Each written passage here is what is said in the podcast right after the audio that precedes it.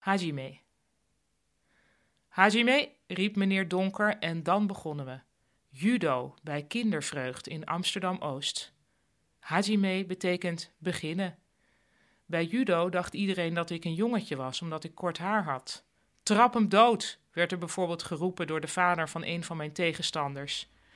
Het is een meisje, probeerde mijn vader voorzichtig. Nee hoor, zeiden de andere vaders. Ik was toen zes. Meneer Donker had de zwarte band. Zijn assistent heette meneer Zwart, die had verwarrend genoeg de bruine band.